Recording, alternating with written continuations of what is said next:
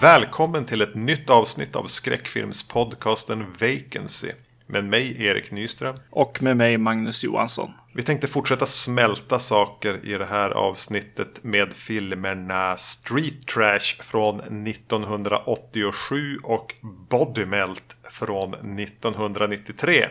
Yes. Innan det tänkte jag försöka göra lite reklam. eh, äh, men det, det har tydligen dykt upp ett nytt eh, mikrobryggeri här i Skellefteå. Ehm, som idag, den 2 maj, när vi spelar in, inte då avsnittet släpps, hade säljpremiär på bolaget för två av deras ölsorter. Okej. Men de heter Fermenteriet. Ah, Och har släppt en dubbel-IPA som jag sitter och smuttar på nu. Som är ganska härligt grumlig och ganska alkoholstark. Ehm, Men inte så här jättehumlig som, som ändå IPA brukar vara. Utan lite försiktigare humlighet. Eller vad man ska säga. Och mer grumlighet. Som Jag tycker det är ganska trevligt. Och så har de även någon så här saison.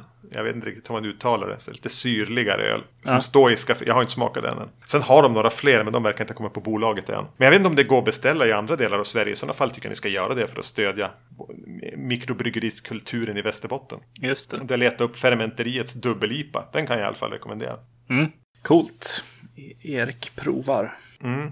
Och du sitter med en hink whisky bara. Ja, precis. Yes. det Det var är också jag. trevligt. jag köpte för stora såna här J.R. Ewing-glas. Mm. Men, men, det ska väl gå bra. Vi märker ju. Mm. Eh, det, det, det gick ju bra för dem i Street Trash som drack öl. Eller sprit är det de dricker. Precis.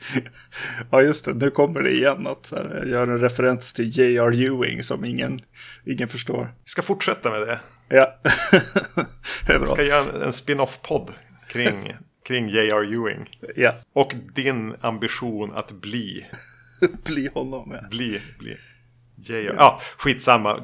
Eh, första filmen vi ska prata om nu, det här är Street Trash. Eh, Vi pratade ju om eh, The Incredible Melting Man och The Stuff i föregående avsnitt som del ett i den här smält, smälta Ja. människor-temat. Eh, Och nu fortsätter vi då alltså som sagt var. Och då är Street Trash först ut från 1987. Utspelas på, eh, ska man säga, bakgatorna i en storstad. Sägs det vilken stad det är? Minns jag inte. Nej, inte jag heller. Eh, s- nu är vi sådär slappa i researchen igen. Bland eh, uteliggare, försupna och andra på samhällets baksida. Och lite grann deras liv. Men i deras liv dyker det även upp eh, en billig gammal eh, rutten spritsort eh, som får eh, den som dricker den att eh, smälta. Yes. Eh, manus och regi James, N, James M. Muro. Muro, kanske man säger. Bara s- slötitta igenom hans CV så kan man konstatera att eh, han har väl ingen, förutom den här, har han inte jättemycket regiframgångar. Men att han både har fotat en del filmer som, vad ska man kalla, cinematograf. Men han har även hållit i kameran mer. Var det, vad säger man då? Camera operator Ja, precis. Och B-foto och sånt. på, på Crash, alltså den Oscars-filmen för, eh, vad kan det vara, 15 år sedan. Just det. Men att han även har varit med och fotat Miami Vice med Michael Manns Miami Vice. Mm, precis, just det. Och den är ju apsnygg. Ja, verkligen. Nej, han verkar ha haft en karriär där. Inom foto på ett annat sätt i alla fall. Men inget namn för mig. Eh, Men, men Street Trash, eh, hade du sett den tidigare? Ja, ja exakt. Eh, I samband med eh, Body Melt faktiskt. Ja, jag vet inte. Det här är nog några som vi fick, eller dök upp i gymnasiet någon gång. Bland kompisar, jag vet inte v- vem som hade den här liksom. Jag var inte med i det här sammanhanget för jag känner inte igen att jag har sett den. Nej, okej. Just det. Ja, jag känner ändå att det hade någonting med, med kompisar som, som kom via dig, men eh, jag har förmodligen lånat dem av dem. Ja men precis, jag tror du lånade mer filmer av... Ja, vi behöver inte sämna- nämna några namn. Nej. yes. Och eh, ja, precis de här två och eh, just att så här, ja, men bli presenterade för dem som smältfilmer. Som att det var en genre och det var därför jag tycker att det är så roligt att göra de här. Det här temat, för det är är ju så dumt. dumt på något sätt. Alltså, Att det ens går att göra det temat säger väl någonting om hur mycket underbar skräpfilm det finns. exakt, exakt. Det jag egentligen starkast förknippar Street Trash med vet jag att Mondo Movie eh, avhandlade den när de var i sitt esse. Och att de då nästan presenterade som en film som var eh, en viktig tonårsfilm för dem. Mm. Hyrfilmsklassiker eller vad man ska säga. Förmodligen något som cirkulerade på VHS i deras liv när de var yngre. Precis som det gjorde för, för dig i alla fall. Jag, jag missade den här. Mm. Då. Det är ju en ganska, det är en lågbudgetfilm ska vi säga. Verkligen gjord med, med själ och hjärta och ganska mycket attityd. Ja. Den handlar väl inte så jättemycket just om den här spritsorten som får folk att smälta. Som att den vill kasta in oss i den här världen med, på samhällets baksida, på bakgatorna med de utstötta. Krigsveteraner, alkisar, psykiskt sjuka, som, som inte har någon annan plats än, ja det är typ en bilskrot de har samlats på. Och eh, där det på något sätt har byggts upp en slags skuggsamhälle. Eh, precis. Eh, det, jag- jag, jag, jag minns inte alls mycket av eh, filmen Hobo with a Shotgun. Men en sak som jag kom ihåg att jag tänkte bara, ja men här är det ju lite så här världsbygge ändå. Som pågår, eh, försiggås liksom. Och eh, det känns som att det var det som eh, den här också gör. Eh, särskilt i början. Eh, att den sätter upp en, lite- en stad och, och det här eh, soptippen som, som de bor på.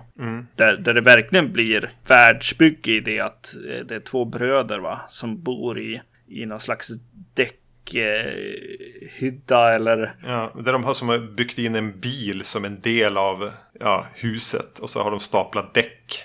Precis, tänk eh, Yodas eh, hus lite grann fast med däck. Och en, och- och en gammal eh, skeva eller någonting. Mm. Jo men verkligen, och att den eh, tar sig ganska gott om tid. Presentera karaktärerna. Ehm, bara låt oss bara insupa den här stanken egentligen från ja, men, vad som är street trash. Eh, och den här ledaren som finns där som är någon extremt instabil skäggsslurv. eh, svårt traumatiserad från Vietnamkriget. Bronson. Ja, just det. Mm. yes. Ja, eh, eh, exakt. Och eh, ja, precis. Och vi kommer ju in i filmen via en eh, annan skäggig person som känns som eh, våran eh, ledsaga på något sätt. Ja, genom filmen som har, har lite mer så här eh, down to earth eh, eller så här peace and love vibbar på något sätt. Som skön snubbe-känsla ska man väl få av honom. Ja. Även om inte han tvekar på att lura och bedra sig fram genom den här undre världen. Nej, nej, nej, precis. Men jag får nästan det av han. Jag, jag, jag känner mig lite trygg i hans eh, eh, scener ändå. Man ska väl eh, någonstans ändå känna att det finns ett hjärta av guld där någonstans. Att han är inte riktigt lika benägen som de andra att eh, i princip gå över lik. Man ska kunna göra någon slags känslomässig anknytning till han. Ja, Han känns kanske mest som en vanlig människa av de här. Förutom, det är hans bror han bor med också. Han känns väl också... Ja, men, hans bror är väl den här som han ska beskydda lite grann. ja. Mm. Jag, jag, jag trivs väldigt bra i det här ruffiga, punkiga C-filmsskapandet eh, skapandet av en värld. Och att vi verkligen... Den tar så pass lång tid på sig att eh, bara följa med in i det. Sen att det är skakig nivå på skådespel och, och, och, och sånt där. Det, det stör inte mig. Precis. Eh, Det, det, det störande på något sätt i filmen kan jag tycka är, är just humorn som den Prutthumor. använder sig av. Mycket prutthumor eh, och eh, sånt som man inte skojar om längre på något sätt. Det är liksom oj, vi var, vi var unga och dumma när vi sa sådär. Humor på något sätt. Ja. Skämtar åt, åt alla håll liksom. Så det känns lite som att man, man eh, ska vara lite ung och dum och helst kille såklart. Eh, eller traumadiggare då. Ja, jo. För att gilla den här filmen. Lite onykter kanske, gärna.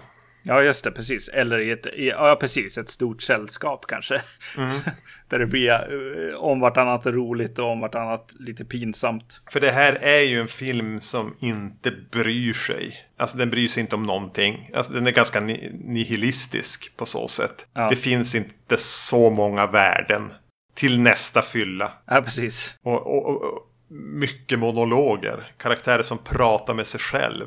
Mm. Kämpa sig igenom monologer. Men jag tyckte också att det, ja, det är det den här filmen är. Det är riktigt jävla slitna, trasiga luffare som sitter och, och, och, och håller monologer. Bara försöker ta sig fram. Ja, det är någonting i det där som... som alltså det blir så här, motsatsen till mysigt gör ändå att det blir lite mysigt. Ja, just det. Yes. Ja. Och, t- mm, men vad tyckte du nämnde trauma? Eh, Tycker du att den här, för- för mig är trauma ingenting positivt. Eh, Och då har jag inte sett mycket. Nej. Men det lilla jag har sett har, jag, har gjort mig ganska ointresserad av att se mer. Mm. Så här medveten B-kult-grej. Tycker du den här känns trauma eller tycker du den klarar av att skapa sig något eget vid sidan av eller bortom trauma? Alltså jag vet inte. Den, den känns också som... Nej, ja, fan vad svår fråga. jag tycker om vartannat att det där är så här lite... s- Ja, men det där mysiga. Jag, jag hittar någonting i det också. Och försöka s- sno grejer från varandra och liksom... Eh, och så. Men sen så kommer det lite scener med så här... Ja, de retas med en snubbe genom att jonglera och kasta hans penis mellan varandra och så där Ja. det är ju inte de scenerna jag, jag gillar på något sätt. Det är ju mer just de där när eh, han sitter och filosoferar och kanske får ett, ett slag så han svimmar av. Alltså det, det är när det, när det jongleras ganska bra mellan humorn och världsbygget på något sätt. Eller det handlar väl, när det, när det handlar om att bygga världen och säga, alltså säga något gör den väl inte riktigt men Ja, men den vill ta med oss in i den här världen som, som ja, men, här James Muro och har ha, ha uppfunnit. Presentera Precis. oss för den, det är ju där tjusningen ligger. Mm, just det. Det kanske är ett tillfälle, för det, den är ju författad, eller skriven och producerad av en annan snubbe, Roy Frum... Fr- Vad fan har han skrivit? Ja, men jag såg namnet tidigare, jag skrev aldrig ner det, men det var så här... Frumhes. Ja. Frumkes. Frumkis kanske. eller någonting. Jo, Fromkis. Som, som jag helt tänkte så här, oj, undrar om det är den kreativa egentligen här. Men eh, sen var den också baserad på en av eh, Jim Murrows andra kortfilmer. Så att det är väl något samarbete här helt klart, helt klart. Men den här Roy, han har eh, varit i kretsar med George Romero. Okej. Han är eh, pie in the face zombie i Dawn of the Dead. Alltså den de trycker... Mm, jag vet vem du menar, tror jag. Ja, och han har också eh, gjort eh, den här eh, Document of the Dead. Mm, En tidig, eller en, en dokumentär som de gjorde där. Eh, Den tror jag- runt Dawn of the Dead. Den tror jag vi har sett. Eh, Ja. Ja. Så han verkar ju ha kommit lite från det gänget på något sätt. Är han den som har kommit in för att skriva ihop det här till en film då, eller? Ja, det är det nog. Ja, precis. Yes. Och Muir är den som har gjort någon kortfilm, haft en idé och var det... Ja, Ja, precis. be- behövde få hjälp med strukturen. Nu gissar vi bara här. Ja, precis. Men vad- ja, mm. Ja, jag vet inte var- vart jag ville komma med det egentligen. Det bara känns lite mer än t- trauma helt enkelt. När de pratar om saker. Men framförallt i deras liksom, uppsyn eller känsla liksom, ibland. Hos karaktärerna. Även om de gör dumma saker så finns det liksom nå- något slags liksom, brödraskap eller vad man nu ska säga det som. I den. Jo, men den, den tar ju... Alltså den gottar sig i hur grisiga och vidriga de här utstötta street trashen är. Men den tar ju på något sätt ändå nästan parti för dem och tänker att det här är deras värld. Ja, Det finns ett hjärta där någonstans i hur den presenterar det och att ja, den, den, den dömer dem inte egentligen. nej. Men jag eh, sa tidigare att den här är en film som inte bryr sig om någonting. Eh, och ja, men förutom den här, ska vi kalla den för hippien? Mm. Eh, så är man ju inte riktigt trygg med någon i den här filmen. De är ganska gapiga, skrikiga och alltid beredda att att liksom hugga varandra i ryggen för att stjäla deras sprit. Eh, den skapar ju lite av den här känslan att ingen går att lita på. Den här världen är en... Världen vi lever i är en ogästvänlig plats. Eh, Men mänskligheten är en ganska dålig idé. Eh, samma, lite samma eh, känsla som eh, New York Ripper lyckas förmedla. Extremt pessimistiska människosynen. Ja. Och återigen känns det så fruktansvärt fel att använda ordet mysigt. Ja. Men jag gör det ändå. Eh, för eh, när en film lyckas bara med hur den presenterar sina karaktärer och bara hur de är och be behandlar varandra. Att den lyckas lyfta upp de sakerna till en känsla som hela filmen levererar. Eh, Då har den ju lyckats med någonting. Och, och det är ändå... Jag gillar sånt. Ja, det är roligt med samtalet som vi har haft här eh, om filmen för att eh, jag, jag själv eh, åkte liksom både ja, men upp och ner liksom. Jag bara, ja men oj, oj, oj, vad pinsamt, oj, vad barnsligt på något sätt. Till att, att eh, ändå gillar den. Så att på det sättet som du b- pratar om den nu är lite d- det som jag trodde, tycker var minnet av den också när jag, när jag såg den för väldigt länge sedan. Ja, men nu börjar det vara en och en halv vecka sedan jag såg den för, eh, inför den här inspelningen. Jag- Den bleknar ganska snabbt, liksom detaljerna. Men känslan man har med sig en stund senare eh, består. Men då, då har jag svårt att, att redogöra för vad som egentligen händer i den. Ja. Men eh, precis, men det kommer ju in också lite så här maffiagrejer och sånt där också. Jo, Och eh, en dörrvakt presenteras. ja. Jag vill bara lyfta upp eh, honom. Han är, han är med för, i en film som heter Frankenhooker också. ja, mm, Frank Henenlotter. Det känns lite grann som att de jobbar i samma liga. Ja, precis. Eh, Och eh, den skådespelaren eh, måste väl ändå vara den mest skådespeliga i, i filmen. Eh, så han har gjort eh, mer filmer än, än så här och eh, det tycker jag märks. Jag tycker att det är ganska trevligt när han är med i filmer, även om han är lite douchey liksom. Eh, Så är det någon, någon, någon charm som den här skådisen har. Han är väl kanske den som sticker ut mest med någon lyster. Ja, av precis. dem. Eh, där vissa kanske vill ha den mer än vad de har den. Jag tänker på den här Bronson-karaktären som ska vara the big bad. Är ju inte jättebra. Nej. Eh, så, som han skulle behöva vara. Han får till och med en egen flashback till Vietnam. Just det, den va- vampyrdrömmen. Ja, Den var ju lite häftig tyckte jag. ja att den tar sig tid för en, den. scenen. Mm. ja, jag skulle vilja se mer eh, vampyr Vietnam-film. Som det är någon som, eh, som vet någon film om vampyrer i Vietnam. Vi är så- redo att göra ett, eh, ett temaavsnitt där. exakt, exakt. Eh, Snacka om den här igen också. Men, men eh, det här är ju ändå smältfilmer vi pratar om nu. Och då måste vi ju någonstans prata om, om att det faktiskt smälter några av de här stackarna. Just det. F- först och främst tycker jag om scenen när den här skrupellösa eh, butiksägaren som av en händelse råkar eh, hitta som ett utrymme nere i källaren där det, en, en låda finns som har stått där sedan någon gång. Med, med sprit som han tänker att ja, men det här kan jag ju sälja till, till lodisarna. Viper. Ja, just det. Mm. Och det är li- lite härligt det här hur man vet. Jag visste ju när jag såg den att du ska inte dricka Viper. Det kommer, det kommer, du kommer att smälta då. Eh, Att, att det blir lite den här. De, vad- vad heter det kortspelet? Svarte Petter. Hur den blir. Eller man vet hela tiden. Nej men drick den inte du. Jag, jag, jag vill veta mer om det. Jag vill inte att du ska smälta. Hur den- alltså, För de stjäl ju de här flaskorna av varandra hela tiden. Och någon, eller byter den mot någonting. Eller de färdas runt innan de hamnar hos någon som sen bestämmer sig för att dricka den. Ja. Just det där lilla Hitchcock-nerven i det är, är ganska kul. Ja. Eh, stora citationstecken runt Hitchcock där. Men jag ville mer bara få in Hitchcock i den här filmen. I Kändes det här lagom smaklöst. avsnittet. Ja. Men Yes. eh, för- det är ju eh, ganska skamlösa smälteffekter med typ mycket, vad kan det vara, akrylfärg eller någonting. Mm. När man smälter av att ha druckit den här Viper-spriten så förvandlas det till väldigt mycket fina färger i alla fall. Precis. Det är inte The Incredible Melting Man som var mest så här äh, smält hud och blod liksom. Eh, eller fett. Eh, utan här är det mer färgglatt. Lite blått och lite grönt och Ja, gult. Jag tycker första sekvensen, hela kameraarbetet vid den första smältningen när någon har som letat sig undan in i något eh, fullkomligt sönderfallet hus. Ja. Finns Som inga väggar längre. Visar ändå Mura att han, han har ändå en känsla för att, för att fota och klippa film.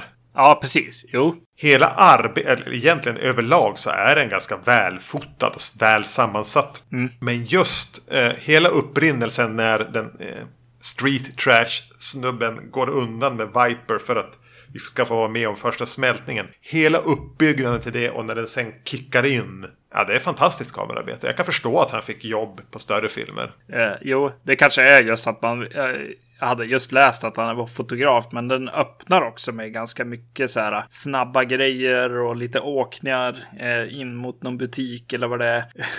det är någon bil som kommer och kraschar ganska tidigt. Eh, när alla, alla dörrar öppnas exakt samtidigt när den krockar och så här. Som är lite visuellt eh, slående. det är skrattretande rent av på, på rätt sätt kan jag tycka. Det är ett lite så här, mer eh, gatunära eh, tidig Sam Raimi på något vis. Ja, just det. Mm. Lite, lite den vibben. Ja. Mm. Något avslutande street trash. Rätt kul film. ja, men alltså man måste vara lite beredd på, på att det är också så här äh, din, eh, dina gamla föräldrar som inte riktigt har lärt sig att man inte gör så där längre. De här olämpliga trenubbar-skämten. Eh, Exakt, yes.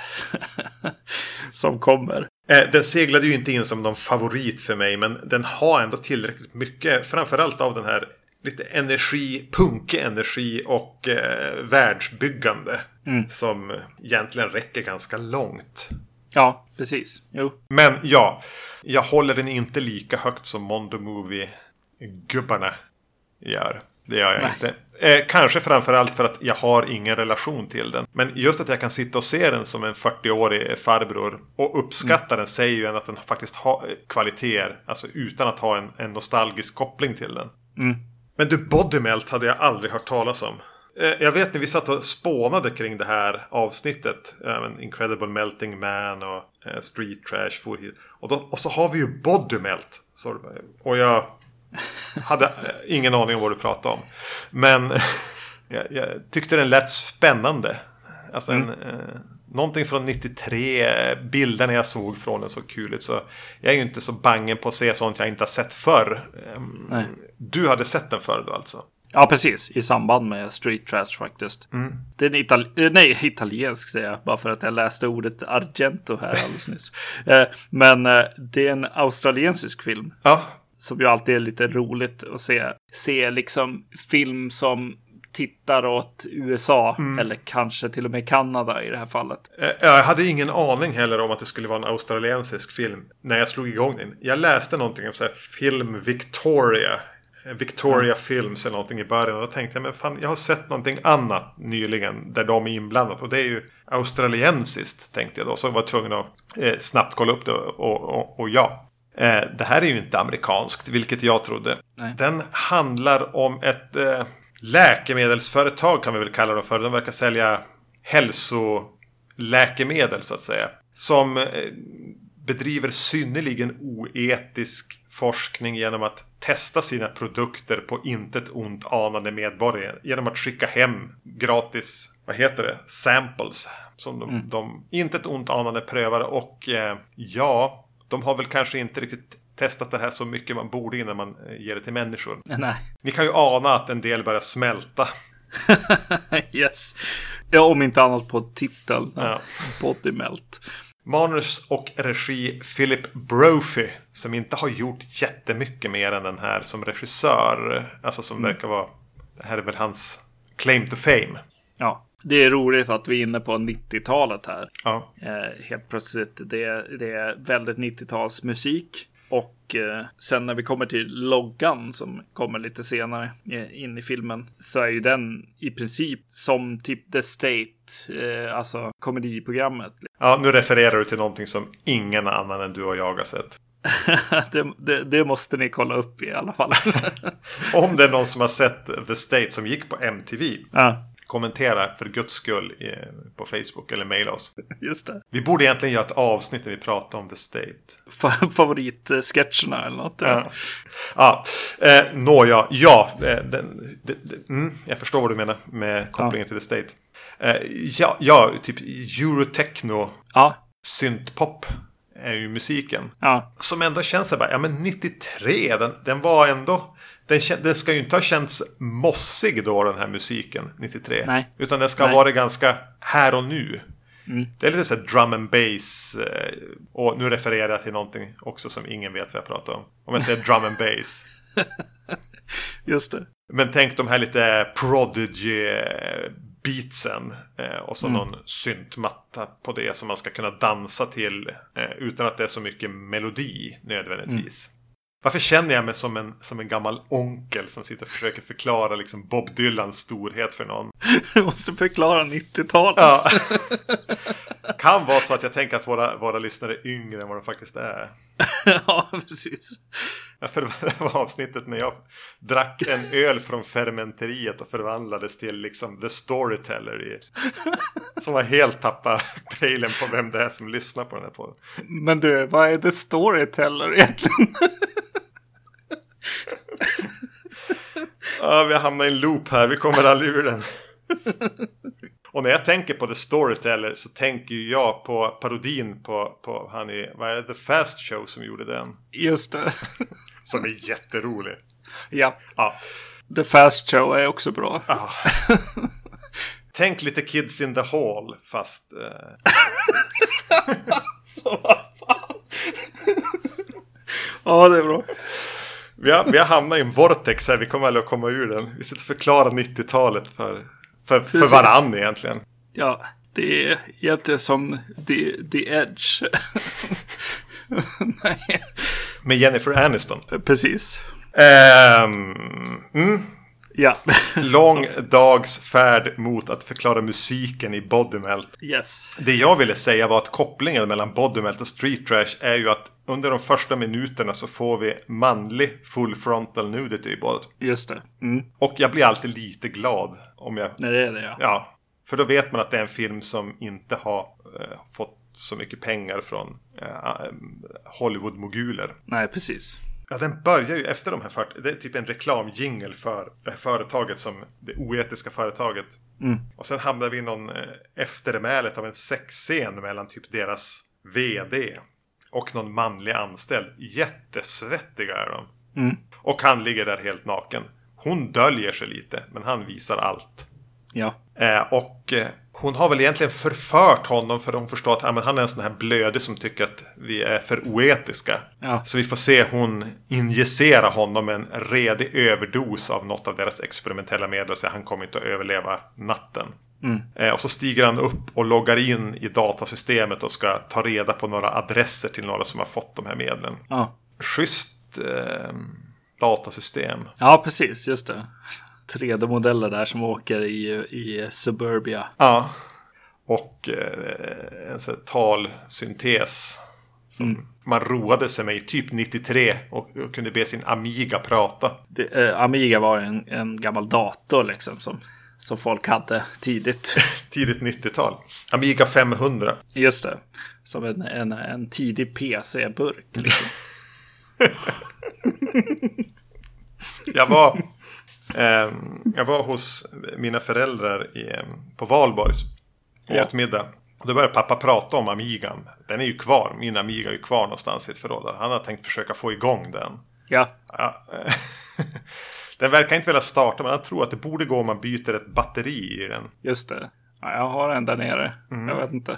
Pratades om, om Millennium-buggen och eh, Amigan, men jag har aldrig testat om det, om det blev något problem. Om någon som lyssnar på det här har haft igång sin Amiga efter millennieskiftet. eh, vi håller på att tappa kontrollen över det här avsnittet känner jag. Ja, det är bra. Jo, Bodymelt. Ja. De gör ju samma sak egentligen. Alltså eh, på något sätt som Street Trash eh, i, i att de eh, jobbar lite grann med världsbyggeri.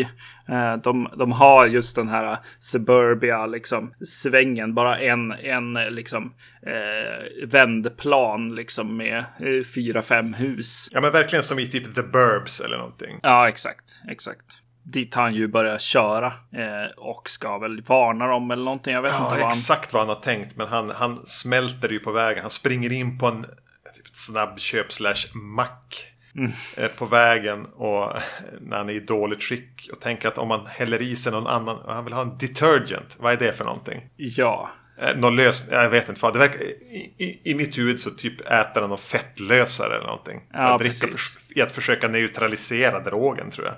Ja. Eh, I, I en ganska skojig scen.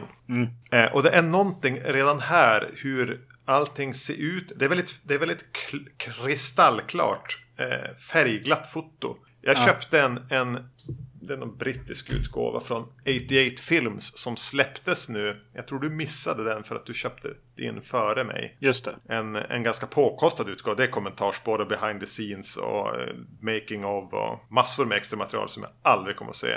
Så det är en jättefin utgåva. Fantastisk transfer. Alltså fan vad alla färger och allting lyser här. Verkligen crisp.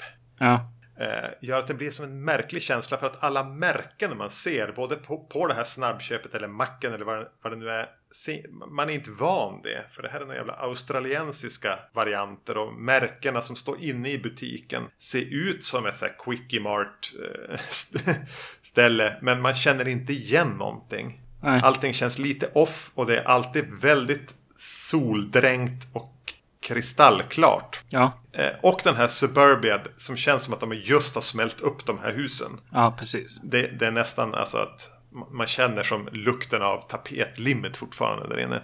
Att, att det jag tänkte på med den här lite märkliga oförutsägbara känslan var tredje säsongen på Twin Peaks. Var min, Ja. min starkaste association till det här.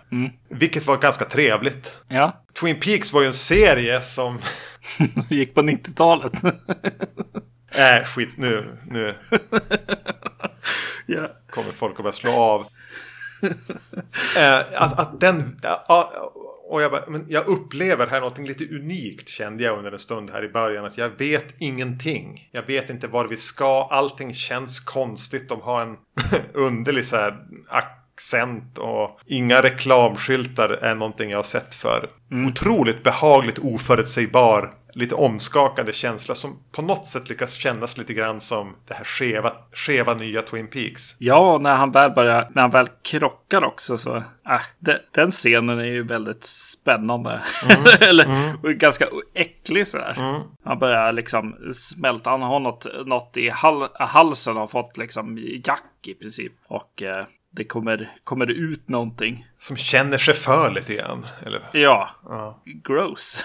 Det verkar ha funnits pengar att hämta i Australien för det är ju inte dåliga effekter. De är ju på, ja men tänk The Thing, väldigt The Thingiga. Och håller ju skaplig klass där alltså.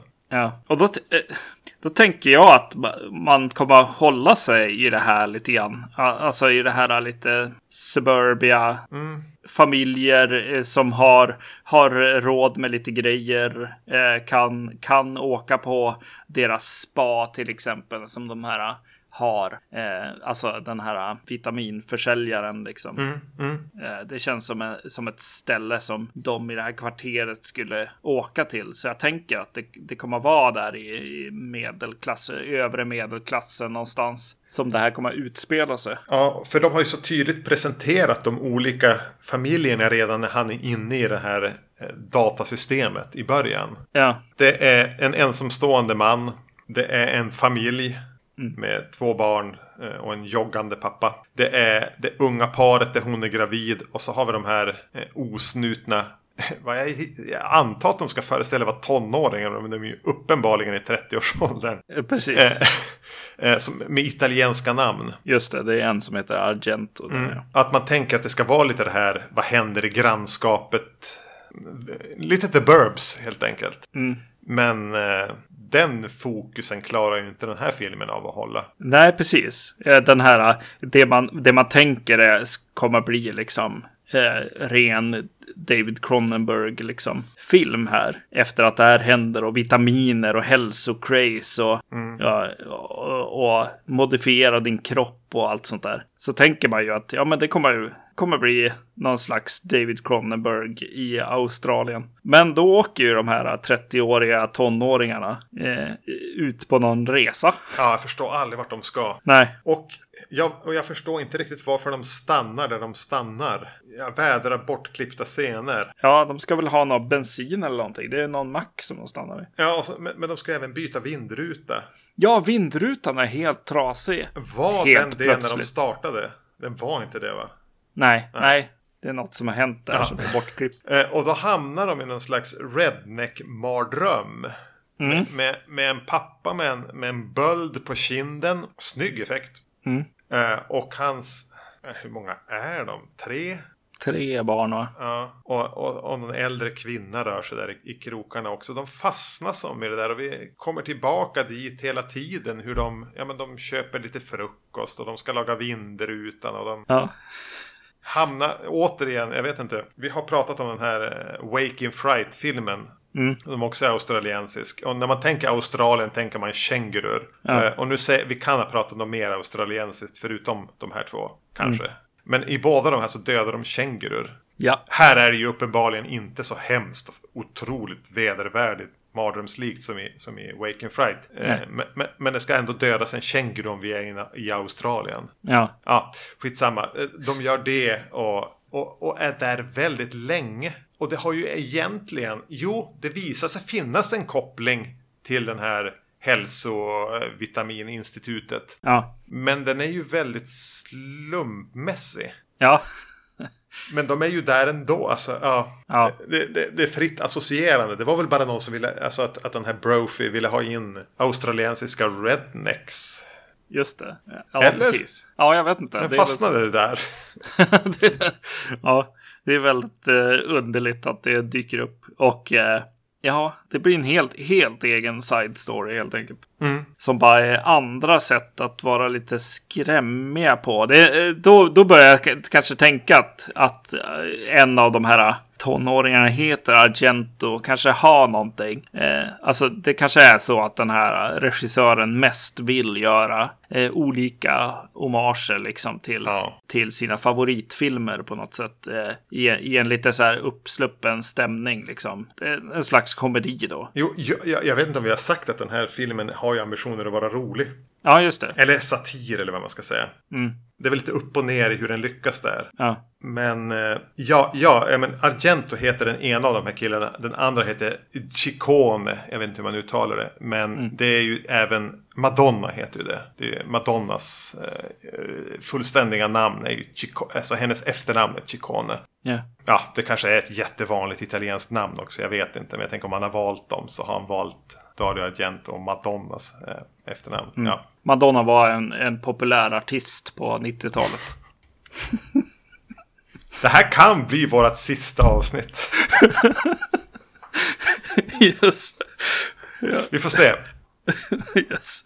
Vi får se. Ehm, mm. Jag tycker att det blir eh, i den här outback alltså jag tror att regin överlag är så här lite så här, ja men jag ska vara lite rolig, men eh, är lite för fascinerad av eh, riktigt otäcka saker så det blir lite Toby Hooper-känsla ibland.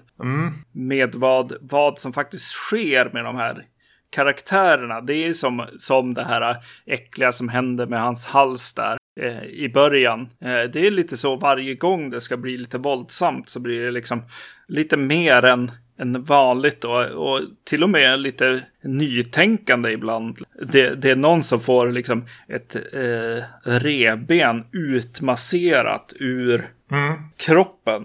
Eh, vilket eh, var väldigt i- imponerande som, som idé för mig tyckte jag.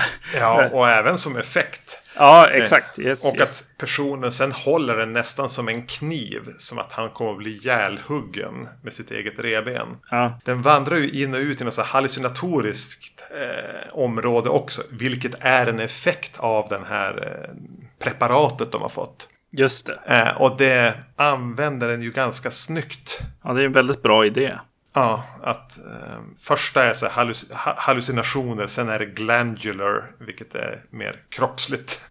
Det är den andra fasen, eller hur de nu uttrycker det. Ja, sekvenserna som är den här ensamstående mannen och hans, vad jag tänker är exfru som dyker upp som någon nästan hämndgudinna eller någonting. Som är den som masserar ut det här revbenet. Det, det är rätt häftigt. Mm.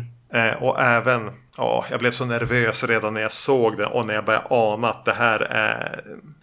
Ja, men när en film börjar med manlig full frontal, då vet man att det finns inte så mycket barriärer och gränser eller förnuft. Eh, när det dyker upp en gravid kvinna. Just det. Och det blir också lite jobbigt. Ja, jo exakt. Jo, han har inte riktigt gränserna där liksom. Nej, eh, på gott och ont ska man väl säga.